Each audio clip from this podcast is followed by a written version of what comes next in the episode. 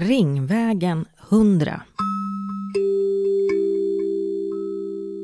Åhléns. Vi står på Ringvägen 100 här på Södermalm i Stockholm.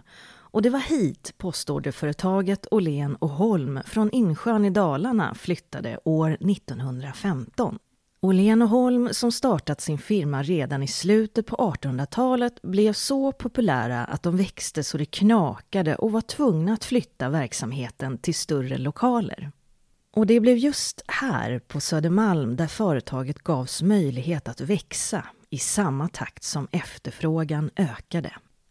Det var Johan Petter Andersson som vid 20 års ålder grundade postorderfirman tillsammans med sin åtta år äldre bror Erik.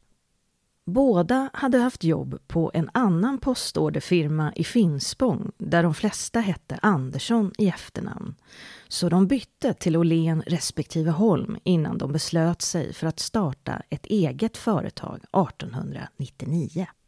Den första produkten till salu var ett porträtt på kungafamiljen.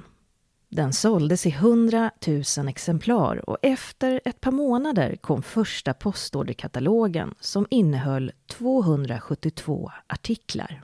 Tio år senare hade företaget över 250 anställda och antalet avsända paket under året översteg en kvarts miljon.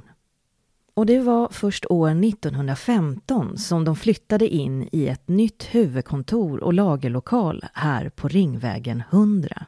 Och 15 år senare var det dags att öppna portarna till det första Åhlén Holmvaruhuset i hörnet Ringvägen Götgatan.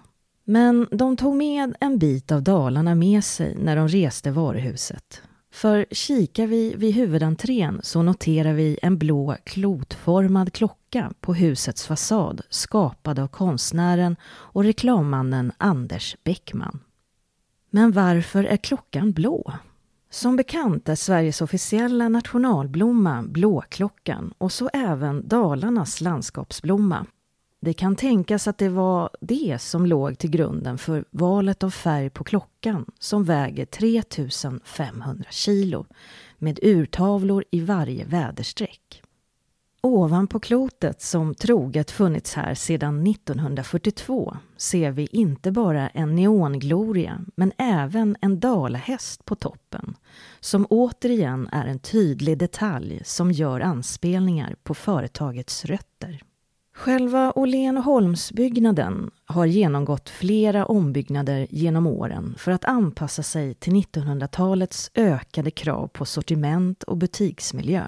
Och än idag hittas huvudkontoret här på Ringvägen 100 och varuhuset runt hörnet som först på 1880-talet bytte namn till Åhléns.